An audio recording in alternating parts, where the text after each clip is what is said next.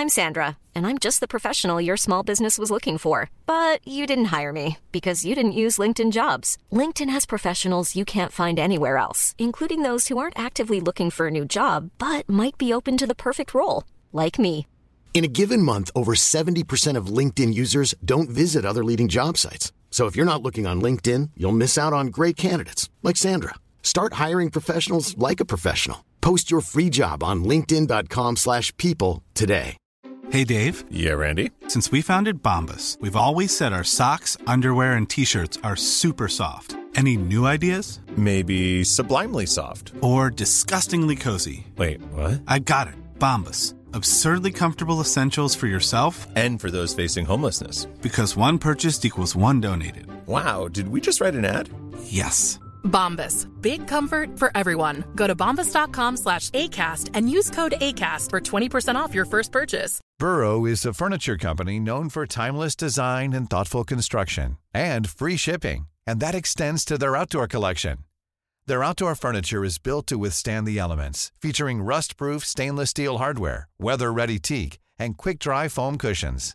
For Memorial Day, get 15% off your Burrow purchase at burrow.com slash ACAST and up to 25% off outdoor.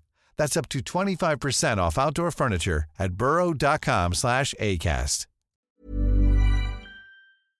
Totosvenskan är otroligt glada att vara sponsrade av Simor. Ni vet om att ni ser allt drama från Svenska Kuppen hos just Simor. Dessutom, om en månad så är det dags för Allsvenskan och Superettan och då ser man Discovery Plus sändningar, även de med ert simor abonnemang Utöver den svenska fotbollen så kan man också se Champions League, Serie A, La Liga på Simor. 299 kronor i månaden så har du ditt abonnemang där du har all fotboll du behöver. Vi säger tack till Simor.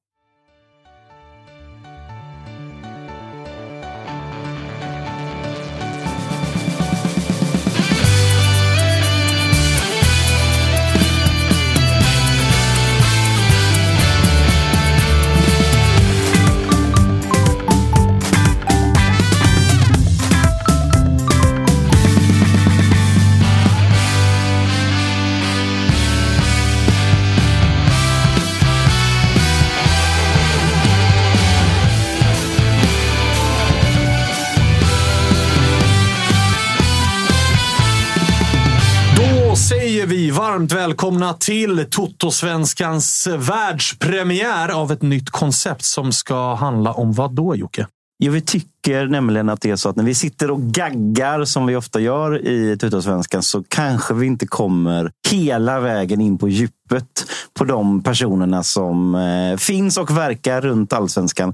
Framförallt kanske de som är eh, de stora ledande personerna i klubbarna. Mm, de stora profilerna. Det kan vara tränare, det kan vara spelare, det kan vara sportchefer. Eh, Fan vet jag, eh, klubbchefer och allt möjligt. Vi har ju testat att plocka in dem ibland till studion, men känner väl lite grann att det blir lite fyra mot ett nästan. De blir ibland lite passiva. Vi vill komma ännu djupare in på dem. Och, och framförallt så är det väl också så att det, det utesluter ganska många klubbar och personer eftersom de, de flesta inte är Stockholmsbaserade, trots allt. Ja, så är det verkligen. Så vi kommer att från och med nu, varje söndag hoppas vi, kunna presentera vår egen lilla version av det som är populärt att kallas för söndagsintervjun. Och där är ju tanken då att en eller två, helst två utav oss, åker runt i landet, kan också vara här i Stockholm, men och träffar de stora profilerna och sätter oss ner för en längre pratstund, precis som man inte riktigt har tid med i det som är våra vanliga format.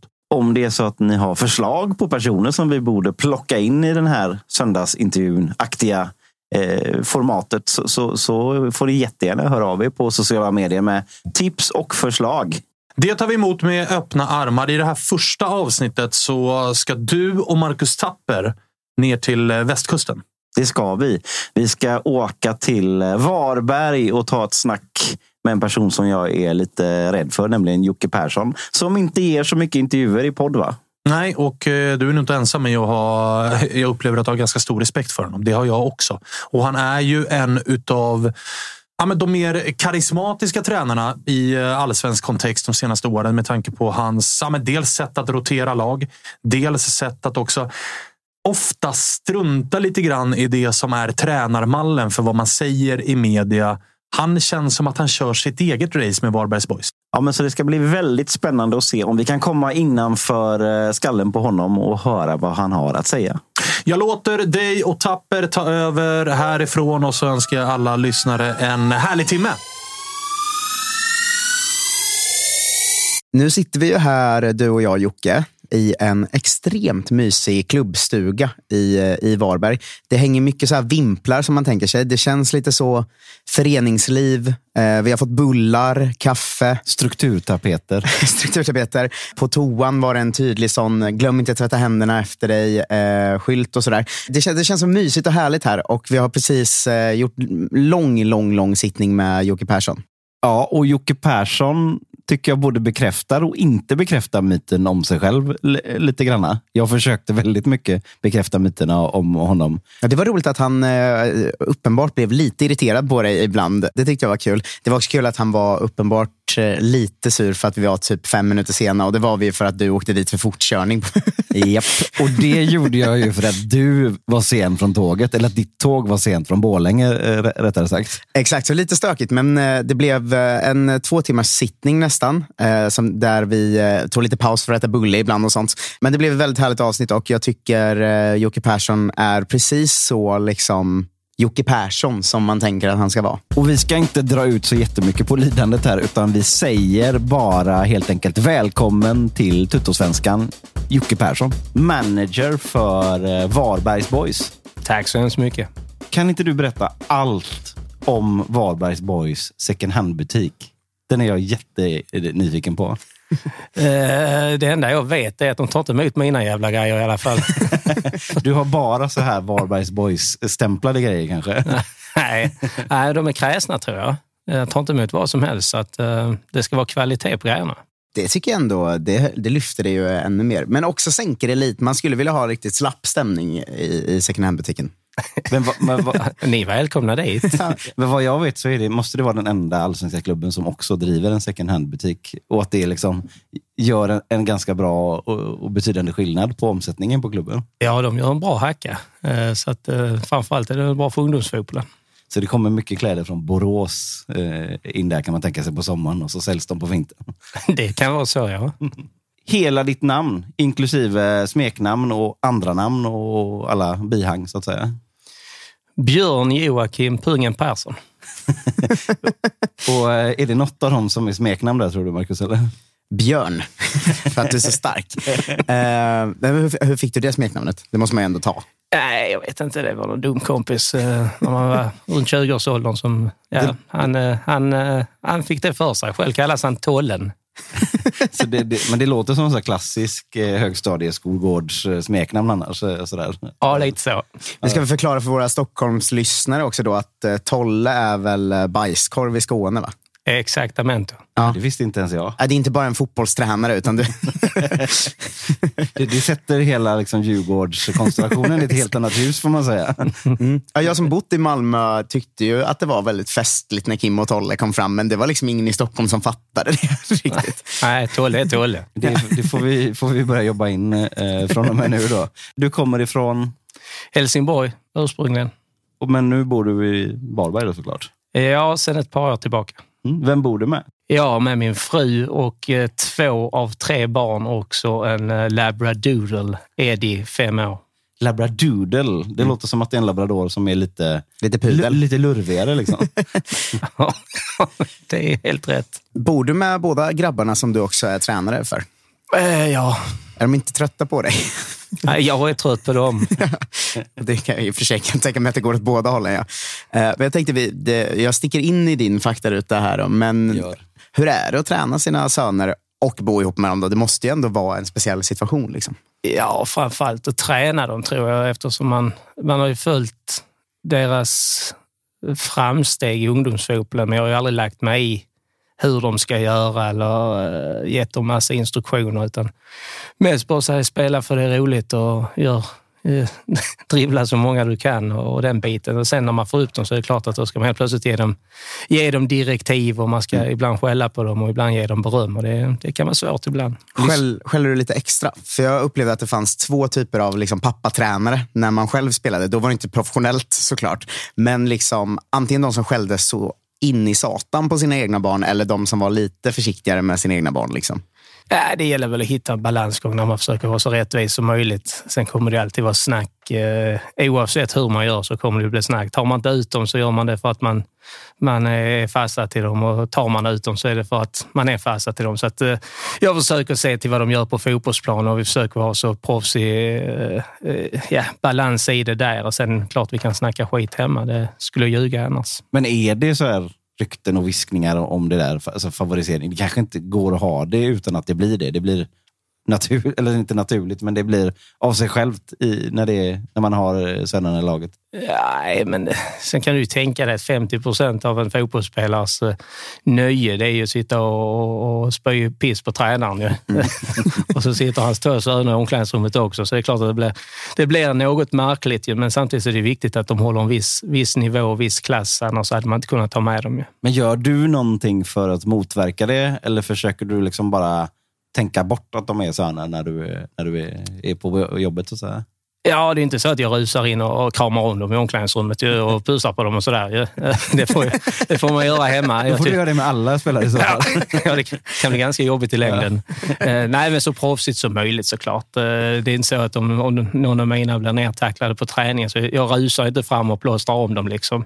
Det har vi ju sjukgymnaster till. Så en lite tuffare jargong eh, i, i träningsmiljö så är vi lite mjukare hemma. Men lyssnar de mer på dig på jobbet än vad de gör hemma? Det blir inte en sån här revolt hemma att de liksom gör tvärtom bara för att de kan? Då?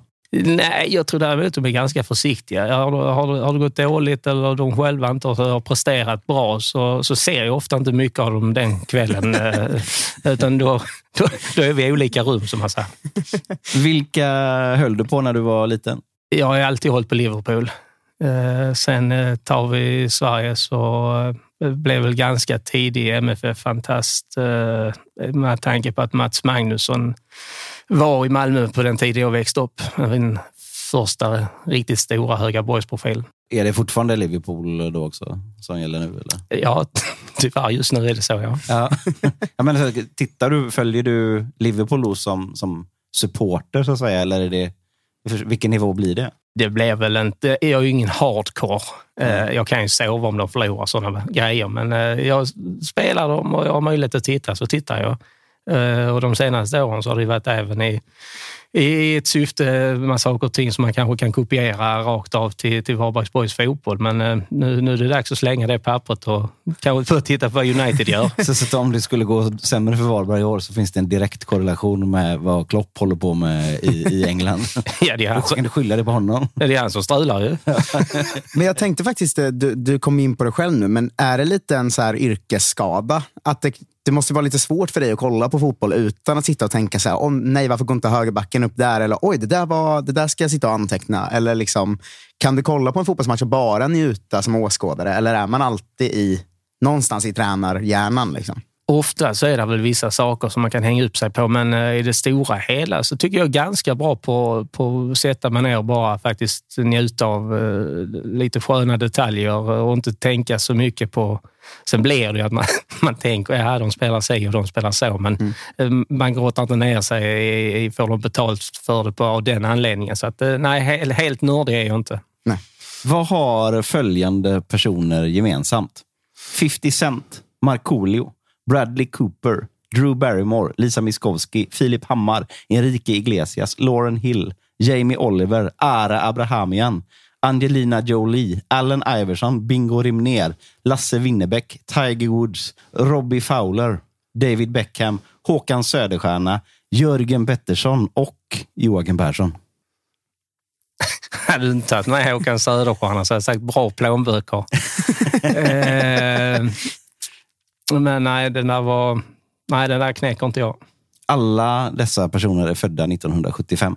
Uff, du tänker så. så det är, det är en bra årskull ändå, eller? Ja, det är ett, eh, det är ett bra skolfoto. Ja. så då vet du vad du har att leva upp till. ja, ja. Det blir Håkan jag tar sikte på. Ja. Eh, laga mat eller hämta mat? Hämta mat. Var åker man och hämtar mat i Varberg? Ja, du kan välja italienskt. Eh, du vet ju, frugan hämtar gärna uh, chop chop eller vad fan det heter uh, längs vägen i Kungsbacka. Ja. Uh, ganska gott, men inget jag är sugen på egentligen. Annars är Sannarpsgården med en, en kebab eller en pizza, det funkar också. Chop Chop är, det, det är väl någon sorts hybrid mellan eh, vägkrog, McDonalds och eh, thaimat, va? Eller? Äh, något åt det hållet ska jag säga också. Asiatiskt. Ja. Jag hade faktiskt en tanke på så här, eh, för du känns som en sån som jobbar väldigt mycket. Alltså du har en sån roll som vi ska kanske så här komma in mer på sen, men managerrollen innebär ju rätt mycket jobb. Liksom. Så jag tänkte fråga dig så här, hinner du laga mat? Kan du laga mat? Men det, kanske, det här kanske var lite avslöjande då. Ja, men laga mat har jag väl gjort sedan jag var 16 själv, men det, det blir ju rätter därefter. Mm. Så det är, är frugan borta så är det ju, då är det ju ungkarlsstuket liksom med pyttipanna, ett gäng hamburgare, falukorven ska vara hemma och så mm. steka på lite färdiga köttbullar. Där, där är vi. Ja. Därför är man kanske inte ribbad heller. men, men så här, om du skulle bjuda Marcus här på, på en dejt eller att ni skulle hänga så då, och, du, och du kände att nu måste jag verkligen imponera på honom här. vad, vad skulle du laga till honom då? Nej, men jag ser ju på honom att det här är en riktig hamburgerkille. och, så, och så ett gäng pommes på det och så lite bearnaisesås och sen så kör vi en stor stark där. Så vi, vi tror vi är rätt nöjda. Man, ja, men det är ju rätt svar. Du är en bra människokännare. ja, ja, man sägs. behöver ju inte heller krångla till det. det, det känns, du känns som att du är en person som inte krånglar till det så mycket i onödan. Nej, enkelt är bra. Vad har du i garaget? Har inget garage. Nej, nu blir jag, nu blir jag helt ställd här. Då. Men, men då parkerar du på gatan helt enkelt? Helt enkelt så, ja. Vad kör du för bil då? Var det din som stod här utanför? Eh, nej, frugan har ju någon fet BMW. Jag kör runt i någon liten Citroën som är tio år gammal och typ tankar den en gång var fjärde månad. Så det är någon liten Citroën-grej. Är det ett medvetet val för att visa killarna i laget att liksom, här ska ni inte sväva iväg och tro att ni är några liksom, världsstjärnor, utan här, här, här kan ni kan fan med cykla rent av till, till jobbet. Ja, ja, det skulle man kunna tänka sig. Ja. Eh, nej, den hängde väl på som en liten citybil från Helsingborg och nu ligger den och drar runt här eh, 500 meter från lägenheten till arenan varje dag. Så att, eh, den, är, den är tröttkörd. Jag anar att du har uppfriskande lite bilintresse. Eh, för att du bara säger någon Citroën och den har hängt med i tio år och sådär. Det känns ändå skönt för att eh, fotbollskillar kan ju hänga upp sig på sådana saker. Liksom. Jag måste ha en fet bil eller vad det nu är. Men du känns som att du skiter ganska mycket i vilken bil du har, låter det som. Ja, det får jag nog säga. Min, min, min fru tycker inte jag är jättespännande på det sättet. Eh, hon kör runt i någon... Hon och pappan har ett ganska stort bilintresse där, men jag vet inte. Så säger hon, oh det är en sån serie. Alltså, den, den rullar väl framåt, eller? Som jag brukar säga när jag får kritik för saker, jag är bra på annat. Ja, det är bra. Ja. Tjänar du över eller under den allsvenska snittlönen som ligger på typ 9500 k i månaden? Nej, det ligger väl ganska medel där. Mm. Mm. Är du rikast i Varberg? I hela Inte Varberg. i hela stan då, utan i laget? Nej, där är ett par andra godbitar i Varberg. Nej, men jag har väl kommit upp eh, efter prestation. Slår man ut snittlönen på fem år så är den inte imponerande. Men eh, just nu är den okej. Okay. Jag tänker, du har ju också en eh, utlandskarriär som vi också ska komma in mer på. Men det var lite innan man tjänade så feta pengar på det, va? Så kommer man ju alltid säga. Ja, just det. Man kommer alltid tjäna mer och mer. Ja, ja det verkar så ju. En miljard var ganska mycket för ett tag sedan. Nu är en miljard ganska billigt. Ja, just det. Det säger något om Jockes eh, liksom, ekonomiska situation här. Att en miljard är ganska lite pengar.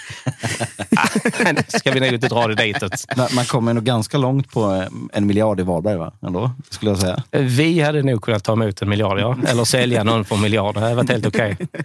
Om du bara fick lyssna på en enda låt resten av ditt liv, vilken skulle det vara då? Du får inte svara någon klubbhymn eller något sånt. Det lägger jag in som regel. Nej, men det ska ju vara något... Fan är den heter nu med... Uh, jag kommer inte på något bättre än uh, I wanna rock med Twisted Sister.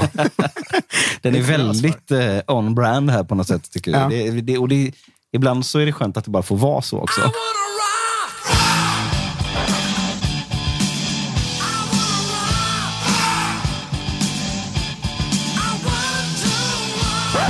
Visst är du med i minst en WhatsApp-grupp vars innehåll skulle ödelägga flera karriärer om, om innehållet kom ut eh, offentligt?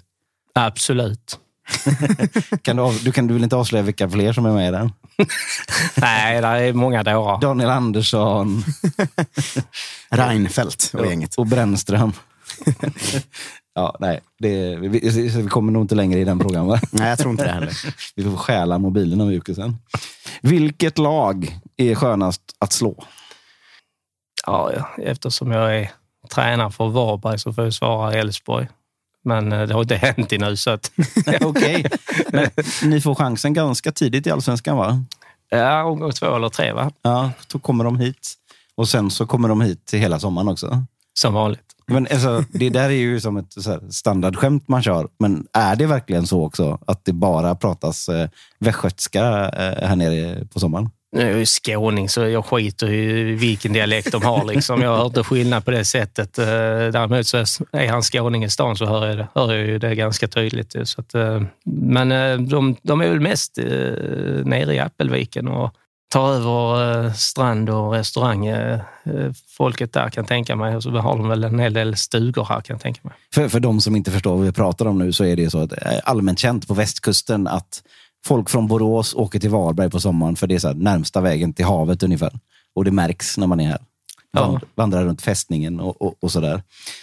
Vem i allsvenskan är lättast att psyka? Nej, sånt där avslöjar man aldrig. Men du håller på med sånt, eller hur? Eh, Det finns ju matcher där vi har lite privat eh, bevakning. Hur mycket matchen i matchens psykning är mellan er som tränare? Alltså, eh, om, alltså hur mycket står du och den andra tränaren och jobbar? För det ser man ju ibland att det, det är lite småtjafsigt däremellan. Men jobbar man med att liksom psyka på samma sätt som spelarna gör mot varandra? Liksom? Jag försöker undvika att lägga någon energi på motståndarens tränare. För att, jag tror inte det ger så mycket i, i, i det långa loppet. Liksom. Så att, eh, jag försöker eh, vända rumpan åt. Är det några av de allsvenska tränarna som du är ganska bra polare med istället, då, om man vänder på det? Det är ett par stycken som är ganska trevliga, ja. Du får nämna någon som du ändå tycker är en bra kille. Nej, men jag känner inte... Brännan känner ju en del sådär. Eh, Rydström har jag ju lärt känna. Jag har egentligen aldrig spelat mot, men eh, trevliga och ganska, eh, ska man säga, intelligenta tränare tycker jag. De gör saker som kanske inte alla andra gör, så att därför tycker jag de är lite mer spännande än vad vissa andra tränare är. Hur är stämningen på de här? För det- är ju ibland så här att alla tränare är på, på samma ställe på någon konferens eller, eller vad det nu är. Är det liksom tuppig stämning där inne? Att man går runt och eh, liksom, jag vet inte, eh, ska, ska vara den, co- den coola i sammanhanget? Eller är ni alla kompisar när ni ses på sådana ställen? Ja, någonstans är man ju kollegor. Eh, Jag har aldrig varit på någon sån här träff i Allsvenskan, för då kom ju corona. Så jag har ju mest eh, hoppat runt i superettan-träffarna där och där har det varit ganska trevlig stämning. Så att, eh, Där har du varit tuppen. Det, det är möjligt folk tycker det, men... Jag ja, tänkte faktiskt på att det var lite synd om er, för att jag vet att de hade en sån träff, men den var ju samtidigt som kvalet. Eh, Så att det måste ju varit typ alla förutom du då. Ja, ja, men det är ganska skönt att vara hemma också. Det är lite så här mob mobbar-moven att lägga den här kvalet. Ja, Här. Exakt. ja, ja de, de tänkte väl ta bort den direkt. Ja. Vad är det märkligaste som du har varit med om under en match? Märkligaste, det blir ju... Tar, tar vi liksom, så, så är det ju vår träningsmatch på... Var det i Turkiet vi var? Jag mötte ett, ett ryskt ganska bra lag eh, där vi vänder eller de leder med 2-0 och det är frid och fröjd och så gör vi 2-1 och sen börjar det lukta att vi ska göra 2-2. Då, då urartar det fullständigt. Och när deras huvudtränare löper förbi med 150 kilometer i timmen, ganska stor jävel också, så tänkte man ja, men han ska väl ut och stoppa liksom, det som var på väg. Men han var den första som började svinga. Men jag fick, jag fick tag på någon gubbe, någon rysk gubbe där på 85 år som jag stod och höll i lite sådär och sa att de skulle lugna ner sig. Så det, det, jag spelar korten säkert. Så, så det, det, var liksom, det höll på att urarta till ett riktigt rallarslagsmål då? Liksom.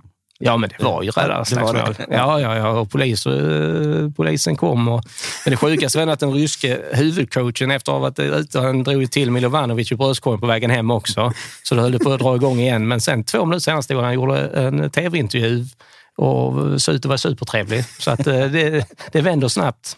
Det är tur att det är ett gäng bondgrabbar från Varberg ändå som ändå varit med om sånt här förut. Ja, det var ett par från Tvååker framförallt som tog för sig. Hur ser din CV ut om, om man skjuter vitt och brett? Om, om vi börjar med spelarkarriären. Nej, vad var jag? Malmö i knappt fem år, va? 92 till 96. Sen var jag i Atalanta, Italien i ett och ett halvt år. Kom tillbaka till IFK Göteborg 98, 99. Drog till Esbjerg i två och ett halvt år. Därifrån till Hansa Rostock i Bundesliga i tre år. Drog iväg upp till Norge ett och ett halvt år med eh, Nanskog, Jesper Jansson och Mackan Karlsson där. Det var roligt ett och ett halvt år. Sen drog jag hem och avslutade i Landskrona Boys i fyra år. Det var Stabäck i, i Norge, va? Stabäck, exakt. Ja. Du har ändå gjort eh, två sådana utlandssessioner i svenskklubbar, alltså där det har varit flera svenskar samtidigt. Det känns ändå, eh, här, det måste vara en härlig grej att åka utomlands men vara ett svensk gäng. Liksom. Ja, framförallt i Tyskland var det ju givetvis att det var till ens fördel när man kommer dit så inte man kan språket första Mm. eh, sex månader i alla fall. Sen kunde man väl hacka sig fram hyfsat på sin skoltyska, men det, är- det är klart en, en fantastisk upplevelse att varit med om. Det som jag liksom ändå slås, eller slogs av när jag, när jag kollade upp. Som allsvensk supporter och de senaste liksom 10-15 åren så har ju du varit framgångsrik tränare fast för ganska, i kontexten, små klubbar. Så att då har det nästan blivit att, att man har glömt bort att du också har varit i, i, spelat i Serie A och i Bundesliga. Ett parallellexempel. Nu ska jag inte jämföra det med Glenn Hysén på några andra sätt. Då, liksom. Men Glenn Hysén har ju varit så mycket och gjort annat. Så det är väldigt många som faktiskt glömt bort att han också spelar mittback i Liverpool. Kommer folk ihåg din spelarkarriär eller är det bara tränar-Jocke som gäller nu?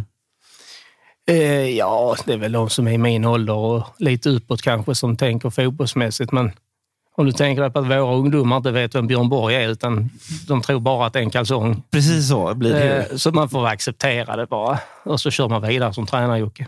Men Jag tänker för, vi har ju också ganska mycket yngre lyssnare som inte har koll på din spelarkarriär, uppenbarligen. Jag tror inte de flesta 20-åringar ens har koll på Hansa Rostock-perioden och de tycker all, alla ska läsa på om den. Det är ju mycket härligt att det var så mycket svenskar där. Men vad, om du skulle beskriva dig själv som spelare, vad var du för typ av, av spelare? Ja, jag tyckte jag var en typ av spelare när jag var lite yngre. Då var det väl box till box mittfältare. Sen så blev det väl mer en balans mittfältare från 25 upp till 30. Men även där i den svängen fick jag spela libero. Det får ungdomarna googla. Eh, Det var sånt, det var sånt man höll på mycket med på 70-talet. Eh, Men det är väl med två markerande mittbackar och så ligger man där bakom och sveper upp all skiten. Så att, eh, sen spelade jag väl mittback de sista tre, fyra åren i Landskrona, mestadels. Kan du inte köra med Libero i någon match i år? Bara för att visa Det det hade, det hade varit, det hade varit så här retro-härligt. Det hade, hade inte det varit också lite Varberg att göra det? Jo, men vi gör ju det omedvetet emellanåt. Så att, eh, Säger inte det bara. nej, nej. men vi spelar lite kompensationsförsvar ibland. Men eh, apropå det här då liksom att folk kommer ihåg saker och inte kommer ihåg saker. Vi hörde någon liten historia här i, i korridoren om eh, en galen tysk som var och letade efter dig. Är det något du minns eller? Ja, men det har varit ett par stycken här eh, och hälsar på. Det var ett gäng som stod där efter matchen nu. Det var någon av de sista matcherna som hade kört upp och så var det någon som bodde i någon stuga som tog med sig frun och barnen där och ville snacka en 20 minuter. Så att, eh, Lite galna är de också va? Ja, men det är lite en annan nivå på, på fans eh, på det sättet. De, det är ju 95 procent så går fotbollen först och sen familjen. Men man måste ändå känna liksom att ah, fan, jag har ändå gjort ett avtryck om folk åker från, från Tyskland till, till Varberg och kampar. Liksom. Jo, men jag vet ju att jag gjorde tre eh, fantastiska år i, i Tyskland. Eh, men eh, det till att folk ska, ska komma förbi och titta på en lite halvtjock tränare som står vid sidlinjen. Det, det, det, då måste man vara riktigt fotbollsfanatisk. Det var roligt beskrivet av kanslipersonalen, eller vad man ska säga här, som, som berättade att det kom in en tysk här och skrek, skrek efter Jocke Persson och då sa de att han tränar där borta och tyskarna var Va? Är det sant? Får man gå dit? Liksom? ja, exakt. Det kändes väldigt eh, härligt och också som en sån, ja, men som du säger, påminnelse om att men jag tror hela svenskperioden satte väl ett ganska stort avtryck där nere. Ni måste ju varit lite så, eller måste ju vara lite ikoniska i Hansa Rostock-sammanhang. Ja, vi var väl nerbjudna var det 2015 och spelade någon jubileumsmatch. Eh, Jag tror de behövde lite pengar i den perioden. Och Då var det väl 25 000 och det var poliseskort. Och ganska häftigt och så bantar man ner sig till en, en, en OK-nivå så att eh, man fick visa sina egna barn också att eh, pappa har faktiskt eh, spelat på en hyfsad nivå. Eh, Så att jag tror till och med jag orkar med en, en halv bicykletas. Men eh, klart bolljäveln gick utanför. Men eh, i det stora hela var det jävligt kul. Det är som att pojkbandet från Sverige kommer, kommer ner till Rostock. Liksom. Ja, de flesta utan hår nu för tiden. Vem är den bästa du har spelat mot på planen? Mot, eh, det är så många. Eh, Henri är ju bland annat en. Du har ju Ballack, Hessler, vad heter han, George Weah. Italien? då? Ja, du hade väl Mancini bland annat. Han var helt fantastisk. Det, det, det måste man nästan få uppleva för att förstå hur bra han var. Men eh, ja, jag kan ju rabbla 400 namn om du vill, men eh, det är klart att det har varit många som varit duktiga. Ett riktigt starkt liksom, motståndar-CV man sitter på efter de där åren ändå. Ja, och samtidigt har man fått spela med väldigt många bra spelare också. Så att, eh, och det är alltid kul att följa. En hel del är ju, är ju tränare nu också på ganska hög nivå. Så att, eh, då får du nämna någon som du spelat ihop med och som du stuckit ut. Ja, han stack ut på alla olika sätt, men Pippo Inzaghi var en av dem. Jag hade en sån som Morfeo. Maximum Carrera som jag tror var tränare nu senast i Ryssland. Eh, mittback som gjorde typ eh, x antal säsonger i Juventus också för mig. Jag tänker på äh, alla svenska spelare som du spelat med. Är det någon av dem som du tycker aldrig liksom fick tillräcklig uppskattning i Sverige? Eller som folk liksom inte förstod hur bra den var? Du får inte säga Jocke Persson. Nej, men det var, jag tänkte faktiskt inte säga han heller. Nej, men den som egentligen var en världsstjärna eh, i mina ögon och kanske en av Sveriges absolut bästa genom alla tider, eh, så som jag fick förmånen av att spela med. Eller, han spelar inte så ofta tyvärr, men Stefan Pettersson. Jag tror inte svensken förstår riktigt hur bra han var. Så att, eh, det, det var klass på grejerna. Han kunde komma tre månader från sjuksängen i, eller skade, skaderummet och så gick han rätt ut och dominerade en fotbollsträning med allsvenska småttingar runt omkring sig. Ja, nej, eh, jag som kommer från Göteborg, då, då, jag har ju ändå liksom den här känslan för att det var en ganska vass eh, gubbe. Nu har han någon mer så oklar eh, skydd, skyddsvaktsroll på eh, fotbollsförbundet, va? Ja, det är någon eh, sån beteckning som man inte riktigt förstår. på tränarbänken då så är det väl ändå ganska snabbt. Det är Ängelholm, Kristianstad och Varberg som, eh, som du har varit i. Jag svarar på min egen fråga. Sympatiskt av mig. Eh, men Ängelholm, det var ganska direkt efter spelarkarriären, eller? Ja, det var direkt efter. Jag slutade väl 2010 i november där någon gång i Landskrona och sen så i februari. Jag fick vänta på Roa Hansen och det tog en månad att kasta ut honom från Ängelholms IP. Så att, eh, han var på väg till Öster i den vevan där så att då fick jag och Kristoffer Skog eh, delat ansvar att ta över Ängelholms FF. Men så du har egentligen aldrig haft ett riktigt jobb, så att säga? Om man inte tycker att fotbollstränare är ett riktigt jobb då? Eller spelare? Eh, både ja och nej. Eh, jag har ägt en, en klädesbutik en gång i tiden. Så jag, har, jag, har, jag har jobbat i x antal timmar som säljare. Ganska kul faktiskt. Jag tänker på det med att du började direkt efter karriären. Eh, vad är det som gjorde att det fastnade och du är kvar? För det är väldigt många gamla spelare som första året får någon luddig roll i någon klubb eller blir tränare och sen så gradvis försvinner de från tränarbänken eller den aktiva fotbollen. Kanske blir agenter eller startar en paddelhall istället. Liksom. Eh, vad är det som du tror gör att du liksom, ja, men fastnade kvar och har fått en så lyckad karriär? Liksom? Ja, ibland handlar det väl om att, att jobba hårt för det. Eh, och sen ska man ha lite tur eller stolpe in, men det har man, jobbar man hårt har man ofta stolpe in också. Sen är det ju fortfarande som så att Eh, jag var väl nästan fem år i Ängelholm och det är klart att då, då skaffar man sig en, en del erfarenhet. Eh, sen fick jag en avstickare till Kristianstad, när, eh, två år i division 1 och det, det, är inte... Så de som, de som vill bli tränare och, och håller på i trean, tvåan, ettan, det, det är hårt jobb. Och sen hade jag väl turen att Köytin Balla tog över Varbergs Boys 2018 som klubbchef och sportchef. Och då hade jag en gång i tiden rekommenderat han till en dansk klubb. Så att uh, han ringer Tjänster mig. och gentjänster. Ja, så han ringer mig där. De hade fått nej från ett par stycken och ringer mig och jag var i padelhallen. Mm. Jag tänkte, vad fan vill han? Men vi träffades och sen så blev det ju... Uh, vi gick hit här, Mission Impossible. Vi hade fyra spelare på avtal och en budget på 2,6 miljoner, men vi skulle ändå försöka hänga kvar. Det lyckades efter en dramatisk kvalmatch. Men är du lite, eh, lite galen då som hoppar på en sån grej? När? Eh, Hej Jocke, kan inte du komma hit? Vi har fyra spelare och, och en, eh, en klubbstuga från eh, före kriget. Liksom. jo, lite galen måste man vara, men... Eh, Eller sålde han in det på något annat sätt?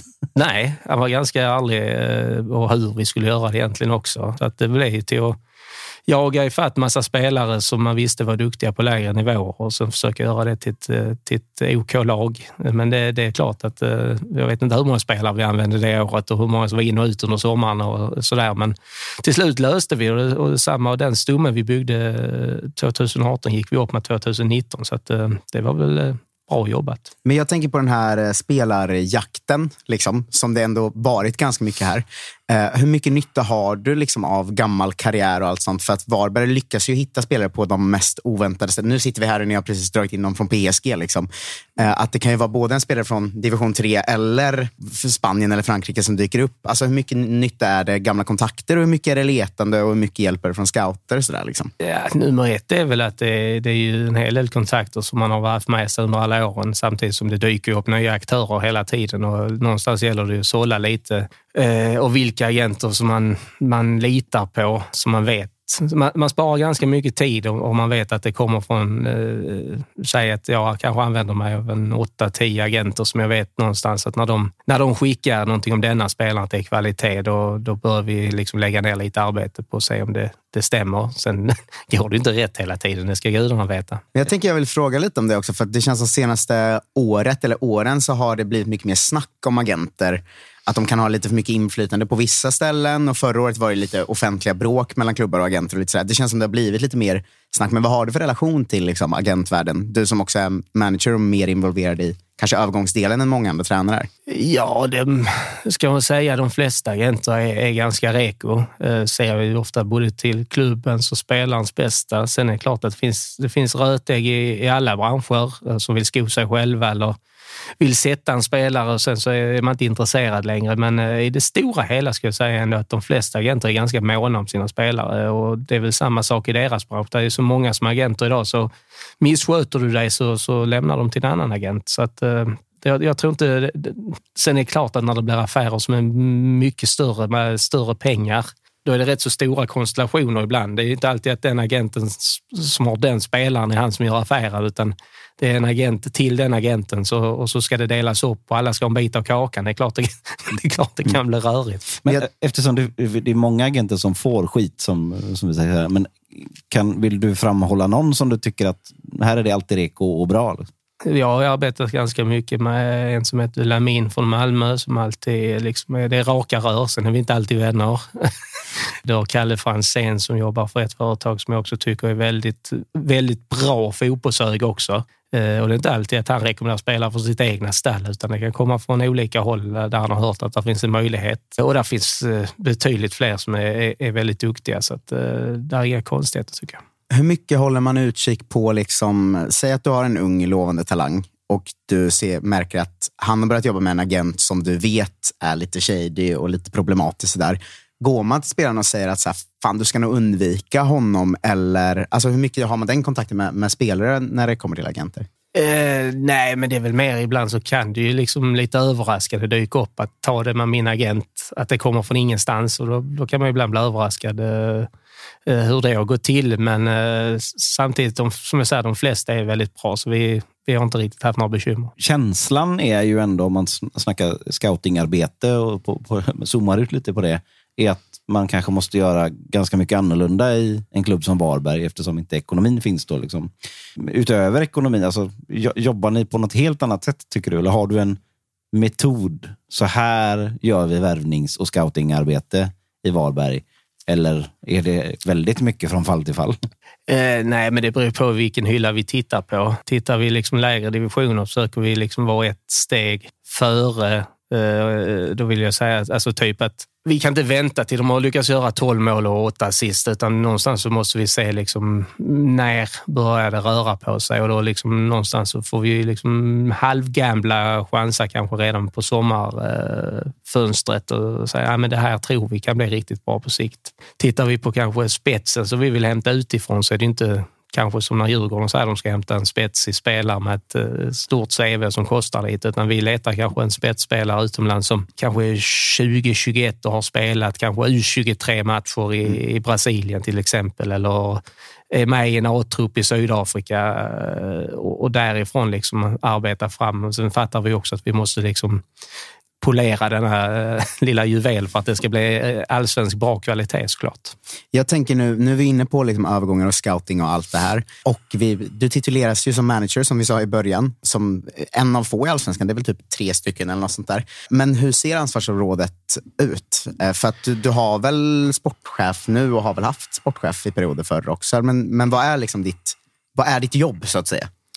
Eh, nej, men nummer ett eh, och två, det är väl rekrytering och eh, alltså, för, försäljningar helt enkelt. Eh, sen är det ju att hålla, hålla fullständig koll på, på att spelarbudgeten följs. Eh, och sen så eh, ska vi coacha däremellan och sen är vi lite analysansvariga på det. Så att, jo, vi har lite att göra. Vad gör sportchefen då? Martin Pringel satt ju rätt mycket på akademisidan från början, men kom mer och mer närmare A-laget och sen när han lämnade så har det blivit Askebrandt och det, det är ju alla de här tusen andra grejerna som eh, ja, transport med killarna till och från olika ställen till eh, lägenheter som ska fixas och donas med eh, till Försäkringskassan, Migrationsverket, Skatteverket, eh, Player Passport, eh, mm. Eh, alla avtal som ska... Jag sitter inte och skriver avtalen och håller på att skicka fram och tillbaka utan det, det, det har ju Thomas koll på just nu. Nu har vi pratat om så okonventionella eh, eh, värvningsmetoder och att nu har varit nere på, på, på eh, låg nivå, eh, lägre serierna och värvat. Och vad du gör då, det är att du går in och värvar en spelare från PSG istället. Va, vad händer där? det kan man fråga sig. uh, nej, men vi fick ett tips här från en, en gammal, gammal forward som har blivit agent nu också. Vem? Uh, lång kille. Eh, det finns ändå några att välja på. Ja, du får rota igenom de lite längre eh, grabbarna. Eh, nej, men han, den här dök upp liksom lite sådär eh, och han stod på sig. Han har kommit med fem, sex spelare som varit väldigt intressanta. Några har ju av eh, ekonomiska eh, orsaker inte varit riktigt Varbergs Boys-killar. Men eh, så sa han, men den här, den här tycker du ska titta på. Eh, och möjligheten finns att plocka hit han till rimliga pengar. Så att, eh, vi tog upp han i förra veckan här och ja, vi behövde väl 25 minuter för att inse att han, eh, han var ganska bra. V vad heter spelaren?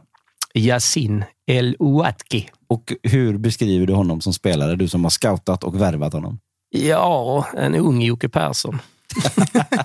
Nej, men en, en mittfältstyp. Eh, både en balans, men skulle kunna gå liksom en tvåvägs mittfältare också.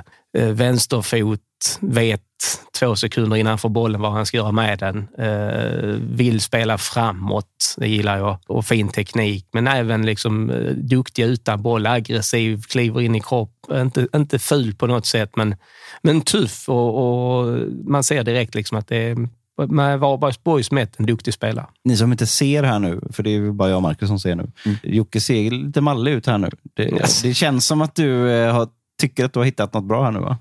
Ja, det, annars så får han sluta med detta. Hur eh, får man någon att vilja flytta från Paris till Varberg?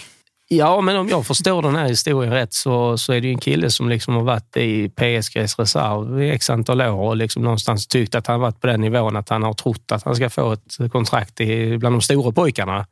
Och så har man kanske hängt i något år för länge och kommer väl på helt plötsligt att eh, nu vill jag hitta på någonting annat. Eh, och då är kanske just att komma till Sverige och få visa upp sig ett ganska trevligt skyltfönster. Framförallt om spelaren själv tycker att han är ganska bra. Då, då tror jag att han förväntar sig att han ska kunna göra bra saker och, och sen studsa vidare såklart. Men ni visar ju bara bilder från sommaren, eller hur? Varberg är ganska trevligt på sommaren. Vi älskar att ta hit brassar i december januari. Klarar de det så ska de klara hela säsongen. Man får ofta en sån eh, liksom, härlig bild av, eh, av Degerfors. hade väl någon inlånad målvakt från Tottenham. Liksom. Just den här flytten från en riktig storstad till en mindre svensk stad. Att det, det är sån kontrast att gå från Paris till Varberg i vintern. Nej, han måste ju tycka det är ganska lugnt här. Mm, ja, jo, jo. Solen skiner ju idag i och för sig. Nej, men sen är väl de här killarna som är lite storstadsbenägna sådär, så kan det väl vara trevligt att, att bo i Varberg i lugn och ro, men samtidigt så är man bara en timme bort från, eh, från Göteborg som är en ganska stor stad. Enormt stort tack till Jays Headphones som hjälper oss att göra Tuttosvenskan. Jays gör extremt snygga och prisvärda hörlurar och högtalare av premiumkvalitet. Och med koden svenskan40 får ni hela 40 rabatt på hela sortimentet hos jaysheadphones.se, vilket är mycket mer rabatt än man någonsin brukar få på sådana produkter. Det är ett riktigt grymt erbjudande och ni kommer tappa minst ett par lurar inom kort. Det gör alla, så passa på! Med svenskan 40-koden får ni till exempel toppmodellen T7 med Active Noise Cancelling och Auto Air Detection för bara 899 kronor. Så in på jaysheadphones.se och använd koden svenskan40 så får ni hela 40 rabatt. Länkar och koder finns såklart på vår Insta och Twitter. Vi eh, har ju försökt göra vår research här också.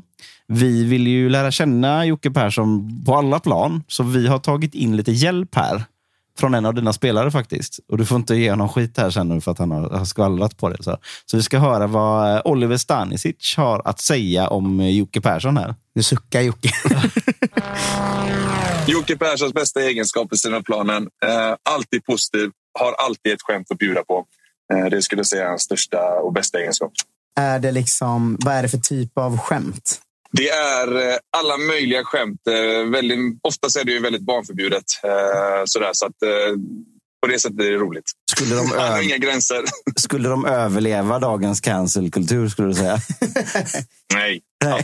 Då, då håller vi honom ifrån sociala medier. Ja, exakt. Och så kör du den sämsta. Det skulle kunna vara kul att säga att hans sämsta egenskap är att han kör så jävla mycket dåliga skämt. ja, precis. Det, ja, det ligger lite i det, för ibland så måste du bara skratta oavsett om det är bra eller dåligt. Så att, eh, I kombination av hans sämsta egenskap, att ibland är skämten alldeles för dålig nivå, så är det också att eh, han ska alltid skryta om att han är så jävla bra i paddel och även tennis, eller i, i, alla racketsporter. eh, sporter. Eh, det spelar ingen roll vad det nu är.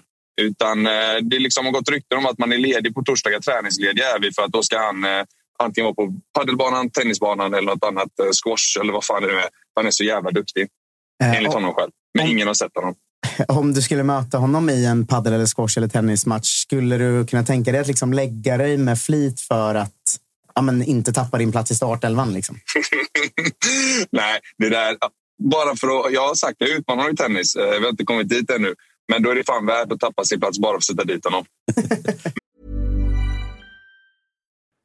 Vi är väldigt stolta att presentera det här samarbetet, August. Det är ju tillsammans med Mindler och det är ju Sveriges största digitala psykologmottagning. Det är inga väntetider. Du träffar en psykolog vart du vill med din telefon. Ett besök kostar bara 100 kronor och frikort gäller då Mindler är en del av primärvården. Och varför är det så viktigt att prata just kring Mindler, Agge? Ja, men jag upplever och många, många med mig också att det finns ju det finns någonting eh, jobbigt att prata om de här sakerna och Mindler vill ju bryta stigmat som finns när det kommer till att prata om mental hälsa. Eh, inte minst bland män upplever jag det som att det kan, eh, ja, men det kan finnas en tröskel att, att faktiskt öppna upp vad man känner och hur man mår.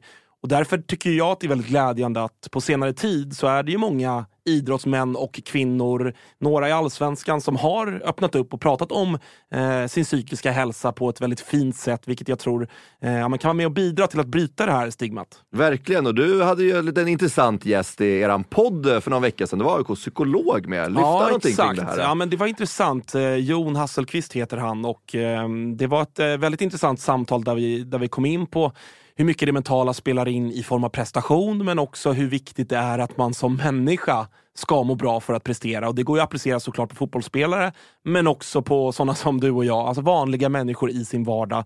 Att det är, eh, det är viktigt att lyfta upp det här till ytan och att eh, hantera det. Verkligen, och känner ni att ni vill ha någon att prata med så finns ju Mindler där för er. Och det som är så himla bra är att du väljer själv vilken psykolog du vill prata med och du kan byta om du känner att ni inte riktigt klickar. Och Mindler finns ju för alla som är plus 18 år. Så gå in på mindler.se och läs lite mer och boka din tid hos en psykolog redan nu om ni känner att ni behöver liksom hjälp kring det här ämnet. Stort tack till Mindler.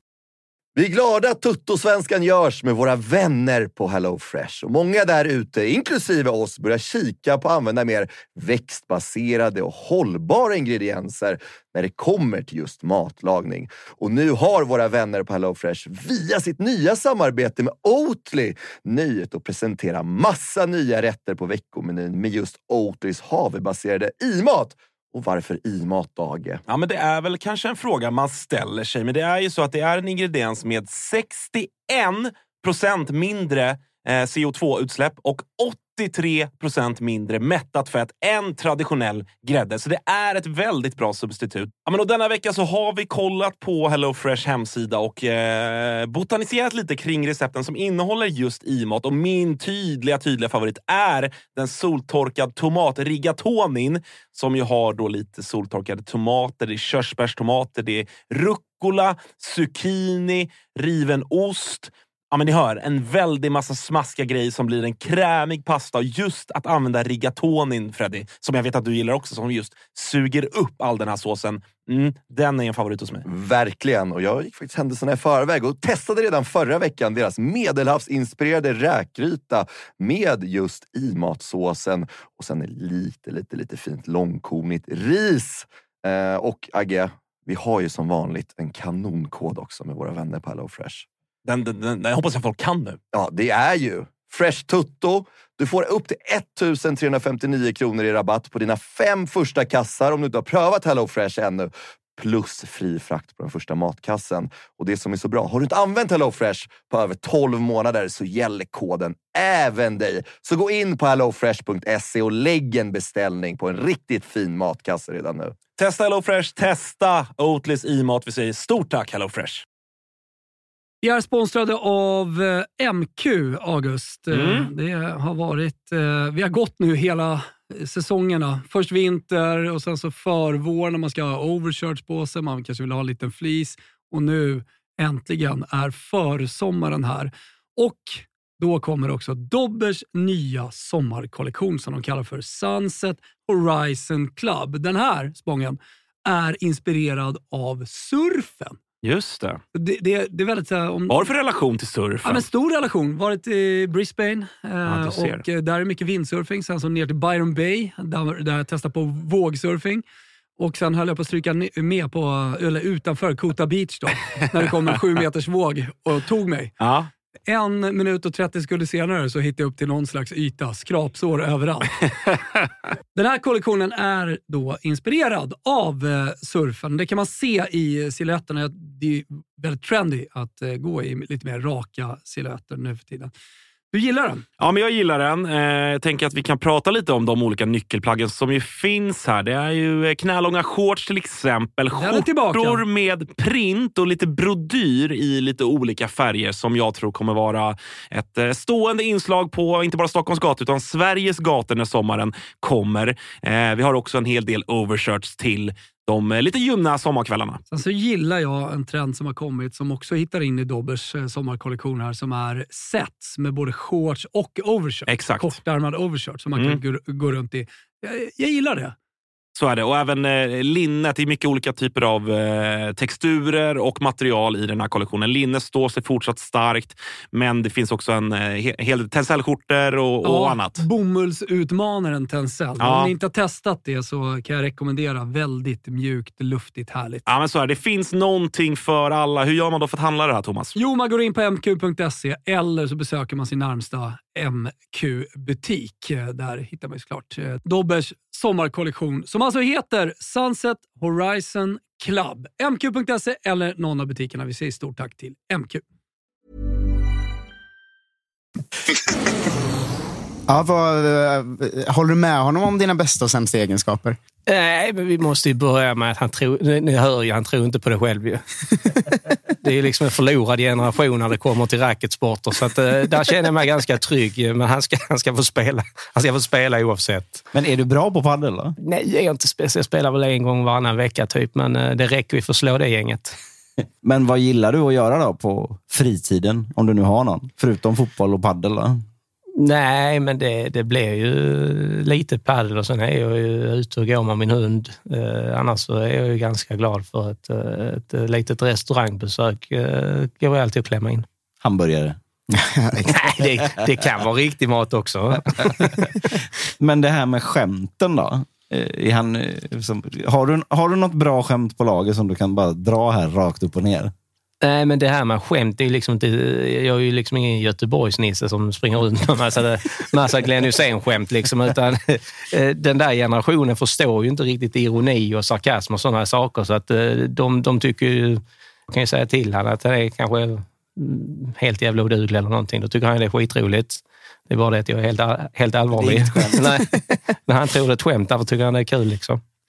Ja, det är väldigt härligt alltså. Men jag tänker på det, du målas ju väldigt ofta upp som, liksom, eh, du omnämns ofta som så här, Jocke Persson är så skön och liksom, han är en rolig tränare och sådär. Liksom. Det, det har jag tänkt på. Är det lite jobbig press att leva upp till? Att ha liksom, den här bilden av dig som allsvenskans sköna filur? Liksom? Eh, jag har väl lite som motto att försöka vara så mycket mig själv som möjligt, men eh, jag har ju också fått kritik för att jag är för tuff ibland i, i träningsmiljö och kanske lite för ärlig ibland när jag, när jag kanske säger vad jag tycker om om den situationen eller om vårt spel eller någonting. Och det, det, det, det, det är två sidor av myntet ibland. Eh, ibland så jag kan själv tycka ibland att jag går på tvåan och treans växel medan eh, killarna kanske uppfattar att jag går i femman, sexan. Eh, så att balansen där genom, liksom, men jag tycker också att det är viktigt att förstå att när det är allvar, det är allvar. Sen har vi en hel arbetsvecka. Det går inte, man kan inte springa omkring en hel vecka och vara förbannad. Liksom. Så att man liksom hittar en, en balans i det lättsamma i och runt ett omklädningsrum. Sen vill jag givetvis som de flesta tränare att det ska vara ordning och reda och fullt fokus på varje träning i 95 minuter. Men att man ska kunna garva ibland som fotbollsspelare, det tycker jag är ganska naturligt. Men eh, ryker man ur elvan om man inte skrattar eller om man slår dig i paddel? Stanisic är ju eh, den typen egentligen som man borde bänkat av den anledningen. Men, eh, men han är, det är en viktig pjäs för oss också, så jag får hållas med att han är, är riktigt dålig i racketsporter. Och lite, lite vinnarskalle eh, kan man ändå känna i mentaliteten. Men sen så måste de ju tåla en rejäl utskällning också, eller hur? Ja, men det är, i dagens samhälle så, så en, en utskällning är det är inte som en utskällning var för 20 år sedan, utan eh, nu, det kan bli väldigt... Uh, skäller han? Uh, ja, jag skäller. Men uh, det, det gäller väl att hålla en balans i allting. Vi har faktiskt frågat Stanisic om det också. Den värsta utskällningen jag fick från, eller har fått från Jocke är, man har fått en del, men den absolut värsta är när vi spelade i Superettan, mötte Gais hemma på Påskersvallen. Jag dribblar som siste man, eh, lyckas få med en frispark i den situationen, men i media får jag sen reda på att eh, då går han ut och säger att det är svårt att vinna, vinna fotbollsmatcher när vi har en mittback som dribblar eh, som siste man. Och dagen efter då, så får jag även höra det på analysgenomgången. Och det, kan man, det i sig sammantaget är den värsta utskällning jag fått från honom. Så jävla härligt eh, att analysgenomgången liksom börjar med så här, Oliver, du har sagt läst tidningen. ja, precis. Och analys, vi, har, vi, vi, brukar skämta om det när vi har våra analysgenomgångar eh, så har vi på Y-scout så, så lyser upp en spelare liksom, när vi gör fel och vi kallar det för lampan. Och vi brukar alltid skämta det. Helvete vad man har fått eh, lampor av fram med liksom, solskyddsfaktorn gubbar. Eh, jag är sönderbränd. Liksom. Så att, eh, den dagen fick, då löste det jävligt starkt på mig kan jag säga. Stämmer det? Eh, att han har drivlat, det måste ju vara 2018 i Superettan, så att, eh, ja, det stämmer ju säkert. Då var han ju en ganska medioker superettanback och nu har vi, nu har vi gjort han till en, en chef i allsvenskan för Varbergsborg, så det är klart att saker och ting går framåt. Men eh, lampan där, den, den är värd. Men har du liksom den rejäla hårtorken i dig? Alltså att komma in i... Den klassiska bilden man har är väl egentligen att ni har gjort en riktigt dålig första halvlek och du kommer in och det blir en sån riktig avhyvling. Liksom. Har, har du den i dig? Ja, det, mitt temperament har väl aldrig varit min starka sida. Men däremot så kan jag vara ganska lugn länge, men när, när topplocket går, då går det och då, då bör man hålla sig undan. Har den klassiska hårtorken ändå en funktion i dagens fotboll, tycker du? Ja, ibland så tror jag att det, det det ger en, en kortsiktig effekt i alla fall. Att man liksom någonstans vaknar man till liv och så går man ut och tar, tar tag i grejer. Sen är det klart att jag, jag, jag mål i, i kanske den här 10-15 minuters eh, energikicken eh, så dör ju allting ganska snabbt. Eh, mm. Men det är som jag säger till dem ibland, liksom, man ska inte behöva stå och skälla ut där innan matchen har börjat. Det, det, det blir ologiskt. Men ibland så känns det som att det är precis det som... Vakna liksom. Ja, men precis så, så kan det vara. Men samtidigt så tycker jag liksom att bra lag, eh, alltså de där sakerna sköter spelarna själva. Eh, och, och man har rätt typer i ett lag. Eh, men sen kan ju räcka två, tre fel spelare som är de som tar tag i taktpinnen inte med. Då, då, då kan det bli en liten sån här hårtork. Eh, jag tänker att det måste vara en extrem njutning att se topplocket gå på andra lagets tränare när Varberg kvitterar eller kniper poängen sent i en match. Liksom att se det hända den andra tränaren. För det, jag håller ju själv på IFK Norrköping då och vi har haft riktigt vidriga matcher mot Varberg där eh, man som supporter var så nej, nej, nej. Liksom. Och då kan man ju se vår tränare bli galen. Det måste ju vara en himla härlig känsla för dig att se att nu vann vi och topplocket går hos dem där borta. Ja, han var väl inte nöjd här senast. Va? nej, nej, det... det var han inte. Eh, men, ja, men det är väl klart att då, då, då, är, då är man ju själv i en ganska skön eh, stämning. Så att eh, då kan man egentligen bara luta sig tillbaka och, och, och njuta lite. Men det här management by media, så att säga, som, som du har gjort ibland, funkar, hur funkar det tycker du? Säger du att den och den spelaren var kass till i intervjun efter, då vet du att det här kommer komma på alla sajter så att säga. Hur, hur reagerar spelarna på det? Nej, men jag har väl, jag har väl framförallt försökt att lära mig att undvika. Och, för i dagens alltså, samhälle så är det ju, det målas ju alltid upp i en enda rubrik. Det blir väldigt mycket av väldigt lite. Ja, och det är likadant om de ställer fem frågor om domare så är det kanske en situation vi diskuterar. Och så vill man ska kommentera den, så kommenterar man den. Men de har sågat hela domarteamet mm. över en hel match. Men egentligen så har du bara kommenterat en situation. Och förmodligen har ju tagit x antal tusen beslut som har gått ganska okej. Okay. Men gör de ett grovt fel så blir det ju givetvis det man ska kommentera och det gäller ju spel.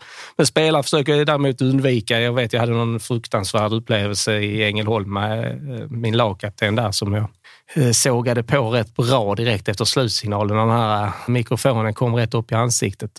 Men då bad jag om ursäkt dagen efter till honom och gruppen, även om jag fortfarande sa att jag tyckte det var jävligt dåligt. Du, du stod i sak för sakerna, men det var dumt att ta det på det sättet? ja, nej, men det är väl klart att man kan... När det rör sig om spelare och deras prestationer så att man försöker ta det dagen efter istället för... Men jag säger inte att det är sista gången, för att ibland så bubblar det över och då, då kommer det grejer och då, då får man stå för det. Sen är det väl vissa spelare som reagerar på ett sätt. Alltså spelare reagerar olika på det. Vissa kanske tar det till sig och, och ska visa dig, medan andra inte eh, löser en sån grej. Ja, men det är framförallt är det viktigaste att man löser själva grejen och prestationen under veckan som kommer. Vi kommer ju göra fel. De kommer göra fel, jag kommer göra fel. Eh, det gäller att rätta till felen. Eh, sen eh, samtidigt som en spelare skulle säga något jävligt dumt i, i halvlek eller efter matchen som också händer så, så är det ju liksom när känslorna är på högsta varv och då får man liksom också någonstans... Ja, jag köper ju liksom att du är uppe i varv och då får man ju liksom lugna ner sig dagen efter. Vad har du allmänt för relation till, till media där? För att bevakningen kring allsvenskan har ju blivit eh, enormt stor de senaste åren.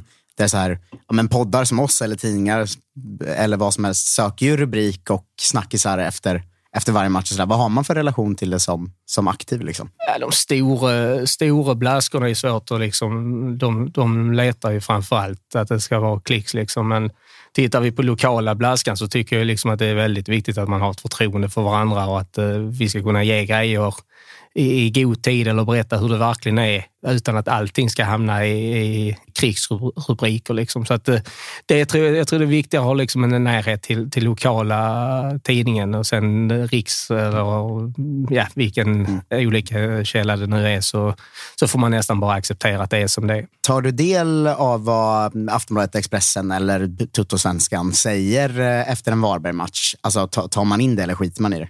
Jag är väldigt lite i, i media egentligen. Eh, däremot så tycker jag att eh, har man vunnit, det händer inte så ofta, men om vi har vunnit två, tre raka matcher så kan man väl få suga in liksom. Men vet man att man förlorar två eller tre matcher och då, då är det liksom någonstans är det onödigt för dig. Du, du kommer ju bara bli irriterad då när du läser. Sen, så, sen är det alltid någon som ringer och säger “Såg du vad de skrev där?” så, ja, jo, jo, jag har hört det. Men, du är mycket i media, men du konsumerar det inte lika mycket själv. Nej, jag tycker det, det är inte det är inte så jättespännande egentligen, men det är klart att man hänger ju ändå med. Liksom. Jag blev lite intresserad av de här lamporna som man pratar om. Kan du inte berätta hur det där funkar? Han menar strutis. det vet jag inte heller. nej, nej, men det är ju ett, ett litet verktyg där man, man kan sätta en sån här god strutis på en spelare som man tycker kanske gör ett fel eller är felpositionerad eller en motståndare som står helt sopren på bakre stolpen. Då kanske man gör en liten sån här gul strutis på den. Det är analysprogrammet som ni sen visar på genomgången då? Ja, enkelt. precis. Ja. Det är att man highlightar en spelare sådär som de kan göra i repriserna på tvn ibland också. Ja, vi i ledarrummet kallar den Stanisic, men det är en annan sak.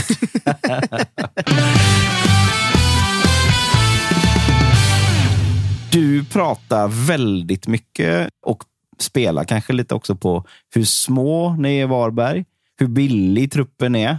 Och det är också en hel del liksom, lilla vi i Varberg mot de stora rika från storstan. Typ så. Hur mycket av detta är liksom medveten taktik och hur mycket är rena och ärliga känslor? Det är 97,5 procent ärlighet eh, och sen är det 2,5 procent taktik. Ja. Men det är de 2,5 procenten som, som, som hamnar i media hela tiden. ja, men vi, vi måste ju leva det livet. Eh, den dagen jag tror att Varbergs Boys blir lite bekväma i allsvenskan och tror att eh, vi har växt in i kostymen, då, då tror vi lever ganska farligt. Utan vi vet ju att det är fem, sex lag som, som vi kan ha bakom oss och sen är det alltid någon storhet som har en sån här miserabel säsong som också blir inblandade. Eh, så att oddsen är inte riktigt med oss. Alltså det är lika mycket för att truppen ska hela tiden vara på tårna? Ja, men så måste det vara ju. Eh, annars så får vi liksom eh, dubblar vi omsättningen och dubblar, tripplar spelarbudgeten. Då tycker jag vi kan ha ett krav på oss att vi faktiskt ska stanna kvar. Eh, det var kul att när Jocke sa eh, storlag som har en miserabel period tittade han på mig. Eh, men jag tänkte på det här, du har ju verkligen varit med och byggt upp det Varberg som finns idag. Hur mycket identifierar du dig liksom med det här Varberg som finns? Alltså för du har ju ryktats till andra klubbar och allt sådär genom åren. Men hur stor del av Jocke Persson är Varberg idag? Liksom? Nej, jag tycker det viktigaste är liksom att man någonstans den dagen man inte är kvar. Om det är att de sparkar ut mig eller jag ska iväg på något annat uppdrag, eh, är ändå att föreningen någonstans ska, ska ha blivit mycket, mycket bättre och, och liksom den som kommer in efter mig ska liksom ha, ha bra förutsättningar. Sen är det klart att det, det är en otrolig utmaning för föreningen när man växer.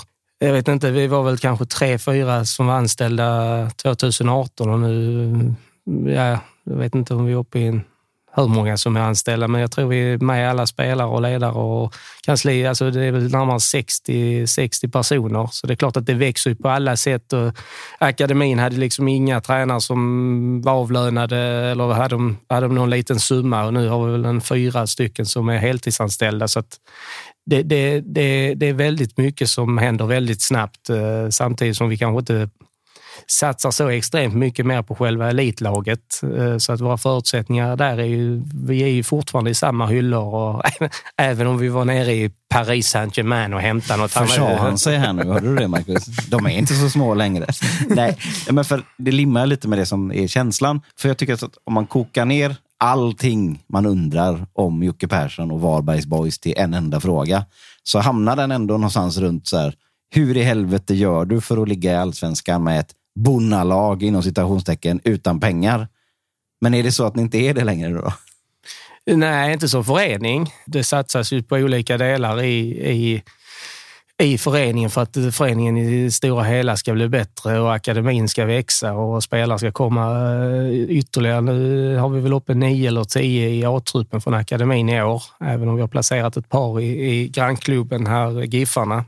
Så det är klart att eh, ju fler av den vara man kan få upp Eh, och fylla liksom position 20 till 26, 27, 28 ju mer kanske man kan lägga på spelarna. Eh, samtidigt som vi vet någonstans att vi måste växa på lönenivån också och vi ska liksom någonstans etablera oss i allsvenskan över en längre period. Det såg vi förra året. Vi kvalade oss dock kvar, eh, så att eh, marginalerna är inte jättestora där nere. Det jag tänker på är att eh, det är ju inte omöjligt att ni hamnar i den situationen i år igen, där ni slåss där nere. Framförallt har det varit en lite skakig start på försäsong och sådär också. Men gå, kommer det gå, eller vad krävs för att Varberg istället kanske ska kunna vara en etablerad komma tia i allsvenskan istället för att behöva komma 12, 13, 14 där liksom? Nej, men tittar du spelarbudet skulle jag säga att det behöver dubbleras. Eh, omsättningen är väl ganska hög eh, som den är just nu. Problemet är också att i och med att vi gör bra saker med våra mått, är ju liksom att jag tror vi har blivit av med 20 spelare på tre säsonger. Mm. Eh, vi har sålt 9-10 stycken och 9-10 har gått till större klubbar det ska ersättas hela tiden och det, det är klart, det, det, blir nästan svårare och svårare för varje år som går. Eh, men det gäller också att vi bör kunna hitta spelare på, på en annan hylla. Där tycker vi har varit och dragit lite i år. Eh, sen eh, pratar du försäsong och det, det, det är vad det är. Men kan du liksom formulera en metod, om man säger så, som du har jobbat efter och som du jobbar vidare i, så att säga. Går det ens att göra det och hitta liksom, så här är arbetssättet? Ja, det, det går ju att sätta ord på på det sättet, liksom hur, hur man bygger en trupp till exempel. Jag snackar liksom 40, 20, 20, 20 till exempel. Eh, tittar du på sättet man spelar fotbollsmatcherna så får man ju liksom någonstans, vi kan inte vi kan inte spela 30 matcher där vi vill spela som Varbergs Boys vill spela, utan vi får ju anpassa vårt spel efter motstånd.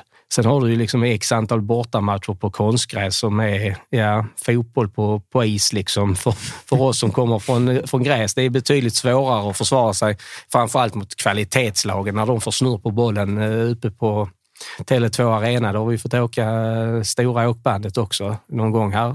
Däremot kanske ett halvår innan så vann vi där. Så att eh, vi kan ju prestera där, men det, det är liksom någonstans topplagen, kvalitetslagen måste kanske ha en dålig dag och vi har en jävligt bra dag.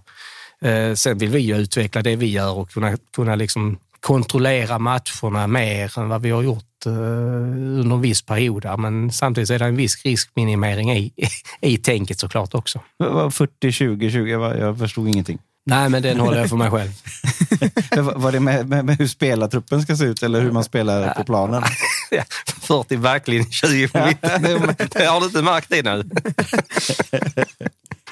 ja, typ truppbygge så ja. ja. Men en fråga om de här eh, bortamatcherna du nämner mot topplag. Eh, jag tycker att det har varit så intressant att följa de senaste åren för att ibland har man ju tänkt att nu har Jocke tappat det helt eller så skiter han i den här matchen när det liksom är elva nya spelare från matchen som spelade innan och sådär. Det funkar ju. Alltså, ni kan ju komma med nästan en ny elva mot topplag ibland och ta poäng. Vad är det, som, vad är det du gör där egentligen? Nej, det har väl ibland varit taktiska skäl. Lite beroende på matcherna har legat och resor och, och vilotid så kanske elva stycken byter vi inte ut. det gör vi ju inte. Vi, är, är du trött på liksom frågan om varför ni vaskar matcher? Men de gör ju inte det, för de tar ju poäng i dem. ja, det händer ju. Vi tar poäng också, men uh, det, det, har ju varit, liksom, ligger, ligger en match söndag hemma upp till Stockholm och spela torsdag och sen tillbaks igen och spela söndag eller måndag eh, i, en match hemma som vi anser kanske procentuellt är en stor chans. Då, kan vi ha vilat fyra, fem pjäser som, som vi dels kanske inte eh, klarar av det rent fysiskt eh, och klarar de inte det fysiskt så kanske inte klarar det mentalt och då kanske man har vilat de fyra, fem och så har man satt in fem, sex, sju nya sådär typ. Och så de som får möjligheten, upp till dem att ta chansen när den kommer. Det har ju slått väl ut vissa gånger och men vi har ju åkt med de bästa elva också för 5-0 i röven. Det... Men är du förvånad att fler inte gör så? För att jag upplever att du kanske är den enda, eller i alla fall en av få i Allsvenskan, som jobbar mycket med rotation på det sättet. Ja, sen är det väl skillnad också. Jag kan ju tycka att, att vi har haft de här säsongerna som har gått, eh, spelare nummer 6 till nummer 22, är, de är ganska jämnbra. Så att, eh, Även om vi har haft mycket skador eller avstängningar. Eller, eller, eh, så, men vi har kanske en stumme på 7-8 där liksom 4-5 måste spela för att helheten ska funka. Men spelar 17 eller nummer 8, det, det har inte så jättestor betydelse. Utan det är kanske mer att den spelaren som får chansen är lite hungrig, tar de extra 10 meterna. Det, det, det, det, kan slå väldigt väl ut ibland. Och kanske också en bra miljö då för att få komma in och testa, om man, även om man är längre bak i truppen egentligen. En allt att vinna situation på något sätt. Ja, där är inget att förlora. Det är det aldrig när du spelar för Varbergs Boys. nu jobbar han där igen. Men alltså, om, man, om, man, vänder på frågan eh, lite så här. Du har också ganska många startspelare inom citationstecken som istället bänkas ofta. Då. Hur, hur funkar det? Om man, om... Ja, men vissa är ju känsligare än andra. Eh, det är klart att eh, det beror på lite vilken match som ligger, men förklarar man att anledningen till att du inte ska med upp till Stockholm är att du ska vara 100 procent fit på måndag, för då ska vi ta tre poäng hemma. Eh, då, eh, Albert Juppi är ju en sån spelare som Oh, ska jag inte vara med? Nej. ja, för det i, i, I fotbollsvärlden normalt så är det ju så här, är du bland de elva bästa mm. så är du med hela tiden. Men nu får du vara hemma, sitta och fiska istället. Ja, då gäller det att ta, ta eh, ta vilan på rätt sätt så att man verkligen är på hugget när man, när man dyker upp till nästa tillfälle. Men det har ju killarna varit fantastiska på, på anamma, liksom, att eh, de förstår att, och det är väl likadant, vi har väl använt eh, förra året igen använde vi väl 31 spelare, förra året använde vi 29 spelare. Så att, eh, och det är också en, en säljteknik, liksom att yngre spelare som, som vill få möjlighet och chansen så finns vi ju här. Och då är det klart att tittar de sig omkring och ser att men den 18, 19, 20 de spelar ju i allsvenskan. Han mötte jag ju förra året i Onsala till exempel. Mm. Om det kommer en ny spelare hit som ser sig lite som en fixstjärna eller någon antingen ung lovande eller vad det nu är. Då har han kört fel. Nej, men hur lätt är det att förklara för någon att för ni, det känns som ni ganska ofta haft taktiken att det är liksom matcherna mot Degerfors eller Mjällby eller vad det är. Det är då vi tar våra poäng och sen kan det vara en bonus om vi gör det borta mot de andra. Men hur lätt är det att säga till någon att nej, nej, skit i de andra nu. Det är den här bottenstriden som spelar någon roll. Liksom. Kan det vara ett problem att någon är så, vill visa upp sig mer än den ska i Varberg? Liksom? Nej, det är inte så att vi, vi går inte ut i någon match och inte tror att vi kan ta poäng. Alltså, oavsett vilka vi spelar med. Den nivån tycker jag ändå att vi har. Sen vet vi ju, liksom, det hymlar vi inte med, att vi måste ju träffa dem både kanske taktiskt och som lag och även lite individuellt om man ska rå på de, de bättre lagen. Sen att vi har material för, vi kan väl, eh, får vi träff så kan vi väl lika väl bli åtta i allsvenskan som att vi är inblandade i bottenstriden. Eh, och då har vi, egentligen, det var egentligen, vi har egentligen inte varit inblandade något år, men Degerfors lyckades blanda in oss eh, förra året på, på nio kantbollar vad de hade. Ja, vad trött du måste ha varit på Degerfors förra året. ja, det var ju... ja, men man börjar undra redan när det, efter fjärde, femte matchen att nu, nu, nu fan, nu ryker ju vi för det här. Ja, är man inne i det stimmet så, så, så, så bör man ju kunna välta berg och det, det är bara att gratulera Degerfors till en fantastisk höst. Ju. Det pratas väldigt mycket om eh, spelidé i allsvenskan just nu. Vad är din och Varbergs spelidé? Eh, det är väl att hantera alla, alla delar i fotboll. Eh, de som säger att de har spel i det, det, det är ren marknadsföring. Men det är ingen som vet vad de gör. Alltså, så kan det kännas ibland i och för sig. Min känsla är också då, det är mycket min känsla här, men det är, det är ändå jag som är här. Det är att ni spelar hårt och ibland på gränsen till brutalt. Jag har ju sett ett IFK Göteborg bli nästan massakrerade på den här planen en gång i tiden. Är det medvetet? Eh, eh, vi flyttar inte på oss ju. Eh, det är inte tanken. Eh, men inte spela fult. Däremot är vi lite korkade. Eh, vi tar gula på lite onödiga ställen ibland. Vi får lite onödigt mycket gula för vissa grejer också. Eh, vi hade någon här, jag tror var det Debrito, eller det var Eliton förra året som petade bollen 25 centimeter och fick gult kort.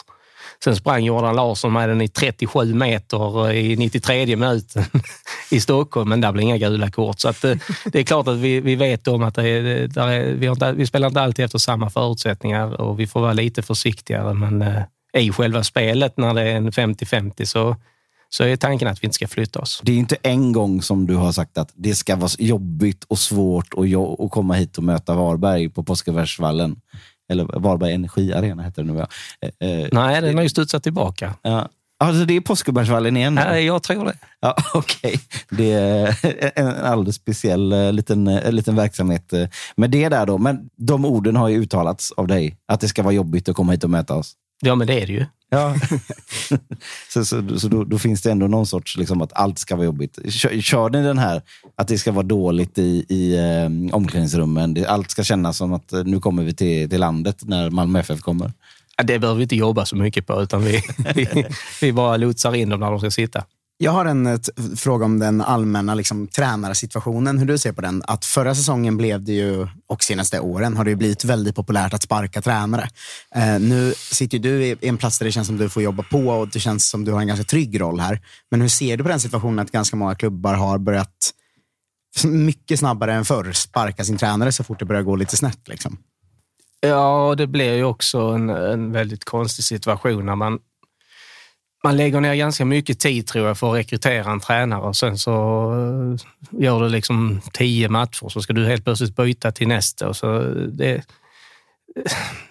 jag tror liksom att åtta av tio tränare som, som liksom är, är, är på en relativt hög nivå det blir inte bättre om du byter tränare utan kortsiktigt kan du få lite reaktion men annars Annars är det någonstans i, i rekryteringen att ditt material är helt enkelt inte tillräckligt bra. Och sen så ibland så, så är det klart att vissa tränare kommer in och gör underverk med ett material som den andra inte lyckades med. Men det är väl bara att titta på Kalmar med, med Rydström, liksom, som jag tycker mer eller mindre när han lämnar Sirius och går till, till Kalmar och så tänker man, ska han praktisera samma sak i Kalmar som gjorde med Sirius så är han galen.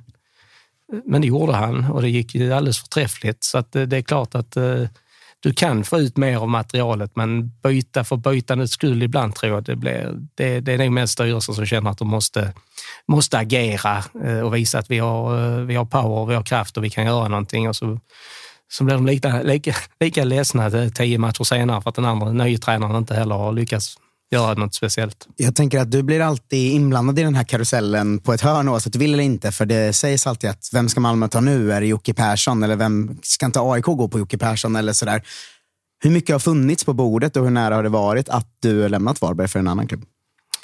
Eh, det nära har det absolut inte varit någon gång. Däremot har det funnits förfrågningar som har stannat ganska tidigt för jag har sagt nej. Eh, någon grej har jag varit med en bit in på vägen, men det har inte varit det som passar mig eller så har de inte tyckt att jag passar dem. Så att, eh, men det är inte någonting som jag behöver ta ställning till nu, utan jag har ju avtal med Varberg och varit ganska tydlig med agenter så också att inom Sverige så, så ska det mycket till om, om jag ska liksom, ja, lämna där jag är nu. Eh, sen är det kanske en annan sak den dagen kontraktet går ut med Varberg eller de sparkar ut mig genom bakdörren. Eh, då, då kanske jag ser det på ett annat sätt. Men just nu så, så trivs jag ganska bra här. Vilka var det som ändå fanns lite på bordet? Då?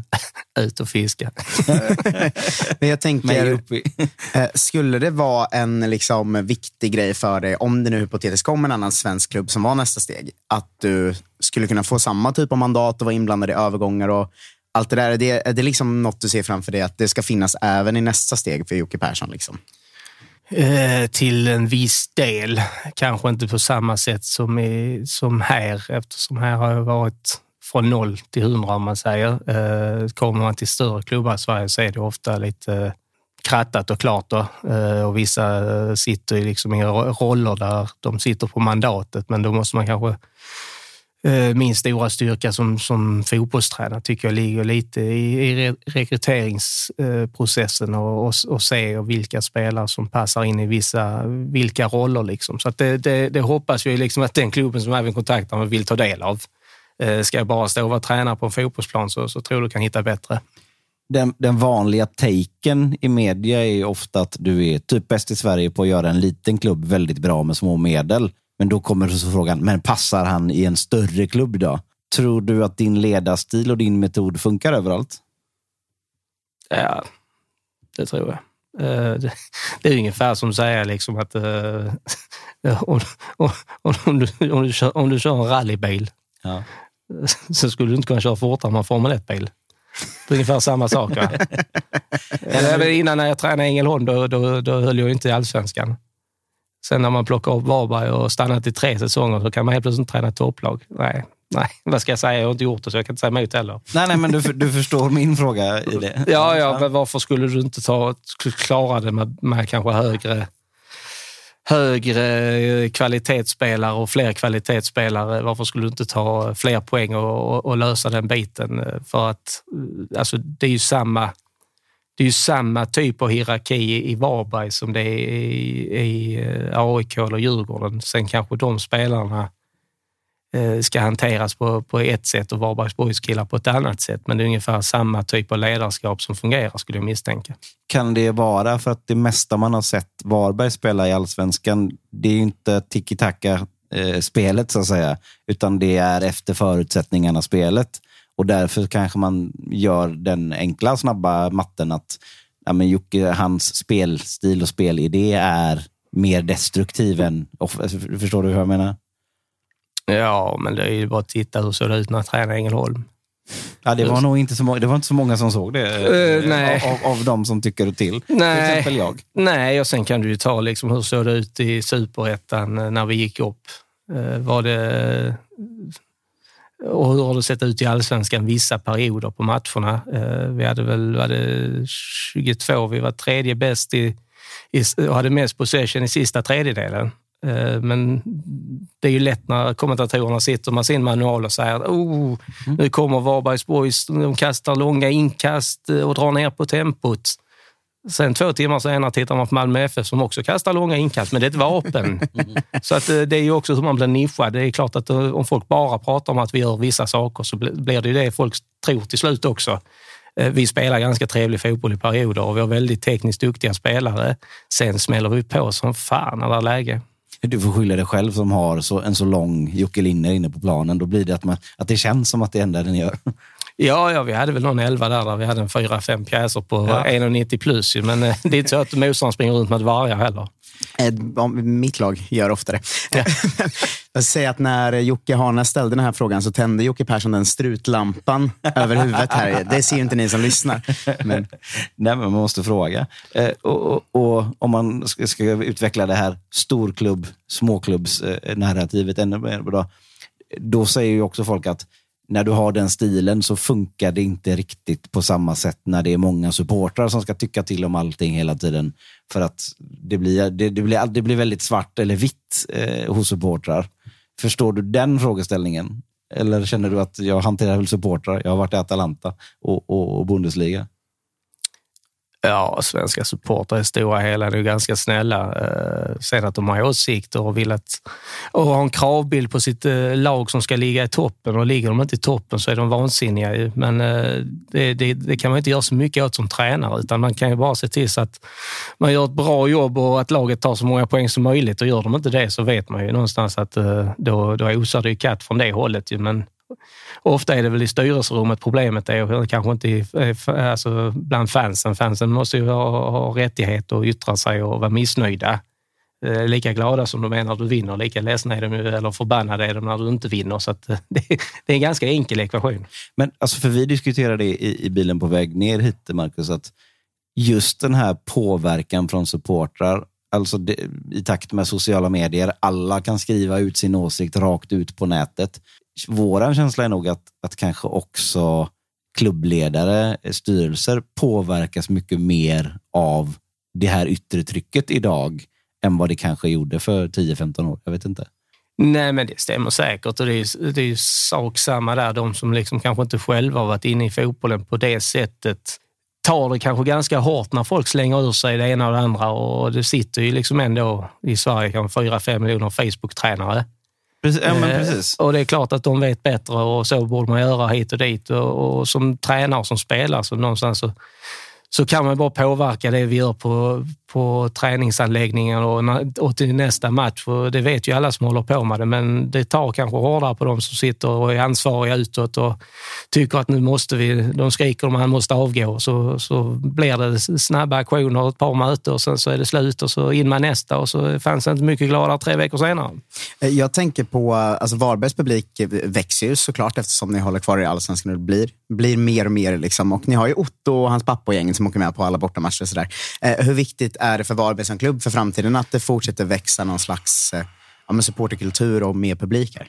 Ja, tittar man eh, det vi har gjort dessa sista åren här och som Varbergsborgs faktiskt har varit i elitfotbollen i 12-13 år så är det klart att, eh, att man bygger ju någon typ av eh, fotbollskultur i, i eliten. Och det är väl klart att ju, ju fler år vi kan hänga kvar i, i allsvenskan eller i superettan och studsa tillbaka, då är det klart att man, man, man bygger upp någonting som kanske kan hålla på längre sikt. Sen, sen lär vi nog inte se 25 000 på, på, på Östbergsvallen. Men, Nej, de går inte in. Nej, de får 20 000 som står utanför. Men, eh, men ändå att man liksom någonstans eh, bygger ett intresse som, som varar eh, på längre sikt och att det liksom blir lite kultur i att gå, gå, gå och titta på fotboll. Det, det är väl det vi, vi jobbar för och samtidigt så vet vi liksom någonstans var gränsen... Det, det bor ju liksom inte 750 000 här heller. Så att, eh, det, det är liksom det, men, men med de måtten så kan det väl vara okej om det är 3-4 000 vill dyka upp varje vecka. Vad är nästa steg då i karriären? Om vi liksom inte säger att du ska till den eller den klubben. Eh, har du ambitioner att liksom bli sportchef, klubbchef? Alltså managerrollen, den kan ju se helt annorlunda ut i, i klubbar utomlands. Vad, vad, vad vill du med det sen? Nej, tittar jag på tränar, tränaryrket så, så är det väl är det någonting som, som attraherar mig så är, så är det väl att få testa någonting utomlands. Sen eh, får det gärna vara söderut eh, och det behöver inte vara längre än Danmark, men eh, helst inte norrut på det sättet. Tittar jag på x antal år framåt så skulle väl inte sportchefsroll vara helt oattraktivt heller. Men just nu så, så tycker jag fortfarande det är så pass roligt att vara på plan så att det, det känns som, som det är det, det som är roligast just nu. Är det inspirerande att se att eh, svenska tränare ändå, oavsett om det är assisterande roller eller huvudtränarroller, så har ju både Jens Gustafsson och Poya Asbaghi och Brännan och ett gäng varit ute lite nu. Liksom, att de jobben går ändå att landa. Är det en sak som man ändå sitter och tittar på och känner att fan, det där borde jag ju också kunna göra en dag om jag vill? Ja, det är väl klart, men det är så mycket tillfälligheter. Så mycket, det, det handlar ibland inte heller om vad du kanske har presterat själv, utan det är lite kontakter och så ska det passa och så ska dörren öppnas i rätt ögonblick och själv har du kanske lämnat ett uppdrag som gör att du helt plötsligt blir aktuell för ett annat uppdrag. Så att det, det där är så otroligt. Eh, det kanske är så att jag, jag tränar eh, Rå IF Helsingborg i division 5 eh, om tre år, det vet jag inte. Men min ambition är ju liksom att kunna få en möjlighet. Samtidigt så, så är jag ju ganska kräsen att det ska liksom vara rätt typ av projekt. Eh, det ska inte vara för, för så här krattat innan man kommer heller, utan man ska kunna påverka med en hel del grejer. Sen kan det vara en nystart, eh, storlag som ska bygga något nytt eller vad fan som helst. Men det, det, det, ska kännas väldigt spännande. Eh, det, det, är väl det, det är väl det jag kan säga som, som jag känner just nu hade varit eh, häftigt. Om du skulle bli senare då ren sportchef, renodlad så att säga, skulle det då vara viktigt att hitta en tränare som själv har spelat på elitnivå, tycker du? 100 eh, procent ja på den frågan. Väldigt svårt med eh, skrivbordsprodukter eh, som ska prata om någonting som de själva aldrig upplevt. Sen finns det undantag, absolut, att det är fantastiska ledare på alla sätt. Men jag skulle gå för en, före detta spelare med eh, ledaregenskaper när han spelade. Alltså, vi, vi förstår ju såklart vad det är för fördelar du söker, men är det så utslagsgivande tycker jag att man också har stått nere på planen? Då? Jag tycker det. När jag spelade och man fick in någon tränare som man inte, eller man visste inte själv det, det, det det blir, det, blir, det blir en konstig situation. Trovärdighetsproblem? Ja, det, liksom, du ska stå och prata om saker som, som du har läst dig till eller sett på tv. Eller, eh, det, det blir lättare, och, lättare att ta in liksom, när det, det, är, det är någon som man vet själv har varit ute och, och gjort grejerna. Nu under det här samtalet har jag format en perfekt dröm för dig. Jocke Persson blir den som bygger det nya Hansa Rostock. Ja, den tackar vi ja till direkt. Så kör vi på det. Då plockar du ner hela pojkbandet där. Ja, ja. Ni har bokat ett läger efter cupgruppspelet, har jag läst mig till. Är den här så att säga, svaga inledningen inom situationstecken på, på säsongen, är det ett helt motiverat move för att ni ska komma iväg på, på träningslägret? Nej, förra året var vi i riskzonen eh, där i typ 88 minuter mot Norrköping. Då var vi väl vidare, så då höll träningsläget på att brinna inne. Men eh, i år har vi gjort med en veckas marginal, så vi, vi hade räknat med att gå vidare och så åka i kvart. Du har nästan 36-37 kontrakterade spelare nu som, som det lät. Så. Hur många får åka med på träningsläget? Då? Ja, det börjar krisa. det gäller att spela in sig i elvan jävligt snabbt nu. Ja, ja, vi drar lott här sista dagarna. Nej, men vi har väl en fyra, fem som vi har i samarbetsklubben här. Eh, så att, eh, sen har vi väl två, nu väntar vi besked på Birkfeldts MR-röntgen här också, som jag befarar kan vara ganska lång frånvaro och då kanske inte han är jättesugen på att åka med. Så då, då tror jag det är en biljett till alla. Vart åker ni? Alicante. Där har jag varit. Där var det kallt när jag var där. Hoppas ni får det, får det bättre där. Eh, jag tänkte vi ska faktiskt avsluta med att lyssna på ett sista klipp med Stanicic här, även om han inte hade så mycket mer att komma med. Har vi någon story som, som du liksom som, alltså, som måste ut. Finns det något som är kul? Så, så, så här, det ska inte sabba någonting, men det, det finns ju, alltså, det, det, är ju hundra grejer varje, varje gång man är på läger. och sånt där. Liksom, finns det något att han har gjort någon blunder eller du vet, något sånt här? Förstår jag menar? Jag förstår vad du menar, men där är han jävligt bra att hålla sig undan. I form av ja. läger så här, då är det verkligen spelarna kör sitt race. Ledarna ser man inte bara förrän det är träning eller, eller match. Eh, så jag har fan inte mycket skandaler på honom. Ja, jag tänker att du, du får ju kliva in då. Eftersom Stanicic inte kunde leverera här. Så, så, finns det någon sån här skön story från eh, back in the days eller från förra året som du kan avsluta här med så folk får, får garva lite? Och det ska vara rumsrent också. vi, kan, vi kan bipa annars. Nej, men jag vet inte om Stanisic var med, men jag försov ju mig till en träning ju. Till Milovanovics stora glädje. Min eh, assisterande coach eh, hade ju lyckats bli magsjuk trots att vi åt samma mat dagen innan. Eh, Så han ligger i sängen och jag ska ta en sån här god liten powernap, tänker jag ju. Så lägger på huven liksom och så lägger jag mig så här lite i servais. Och sen somnar han också. Så, så helt plötsligt står Milovanovic i rummet. Vi, vi tränar nu, okej. Så då blev det fart. Men eh, det var ju en, eh, det var ju eh, en eftermiddagsträning där, så det, det var ju, då blev jag sen. Men inga, det är inga stora skandaler så som jag kan släppa. Det är pinsamt att försova sig till eftermiddagsträningen alltså. Ja, jag tänkte tuta på, på på lunchen. Liksom. Och jag tänker också att det kanske är en stor grej i Jocke Persson-världen att du, att du kommer sent till träningen. Nej, jag är väldigt... eh, Jag har problem med tider. Eh, är- Nej, men är, är det klockan nio så är det fan nio. Det är inte 9.02, det är inte 58 heller. Och ni kom sent idag grabbar. Det Det gjorde ni. vi. Vi Ja. skyllde på Marcus, eh, Marcus eh, sena tåg och så blev vi, vi stannade av polisen dessutom när jag skulle köra in det. Det kan vi avslöja här. ska säga också att jag åkte ändå tåg från Borlänge klockan 05 för att få träffa dig idag. Så jag vill eh, skylla på tåget. Och jag vill också säga att precis när vi körde in här så sa jag, jag anar att Jocke kommer säga något om att vi kom lite sent. Så att, det, det satte jag. Du lärt dig en sak? Ta ett tåg tidigare, eller? eller? Exakt. Och apropå den klockan så har ju faktiskt klockan tickat precis till- till så att vi är färdiga. Så vi tackar Jocke Persson så jättemycket för att du var med i detta premiäravsnittet av eh, den lite längre söndagsintervjun, eller vad vi ska kalla den, av eh, Tuttosvenskan. Tack. Tack själva.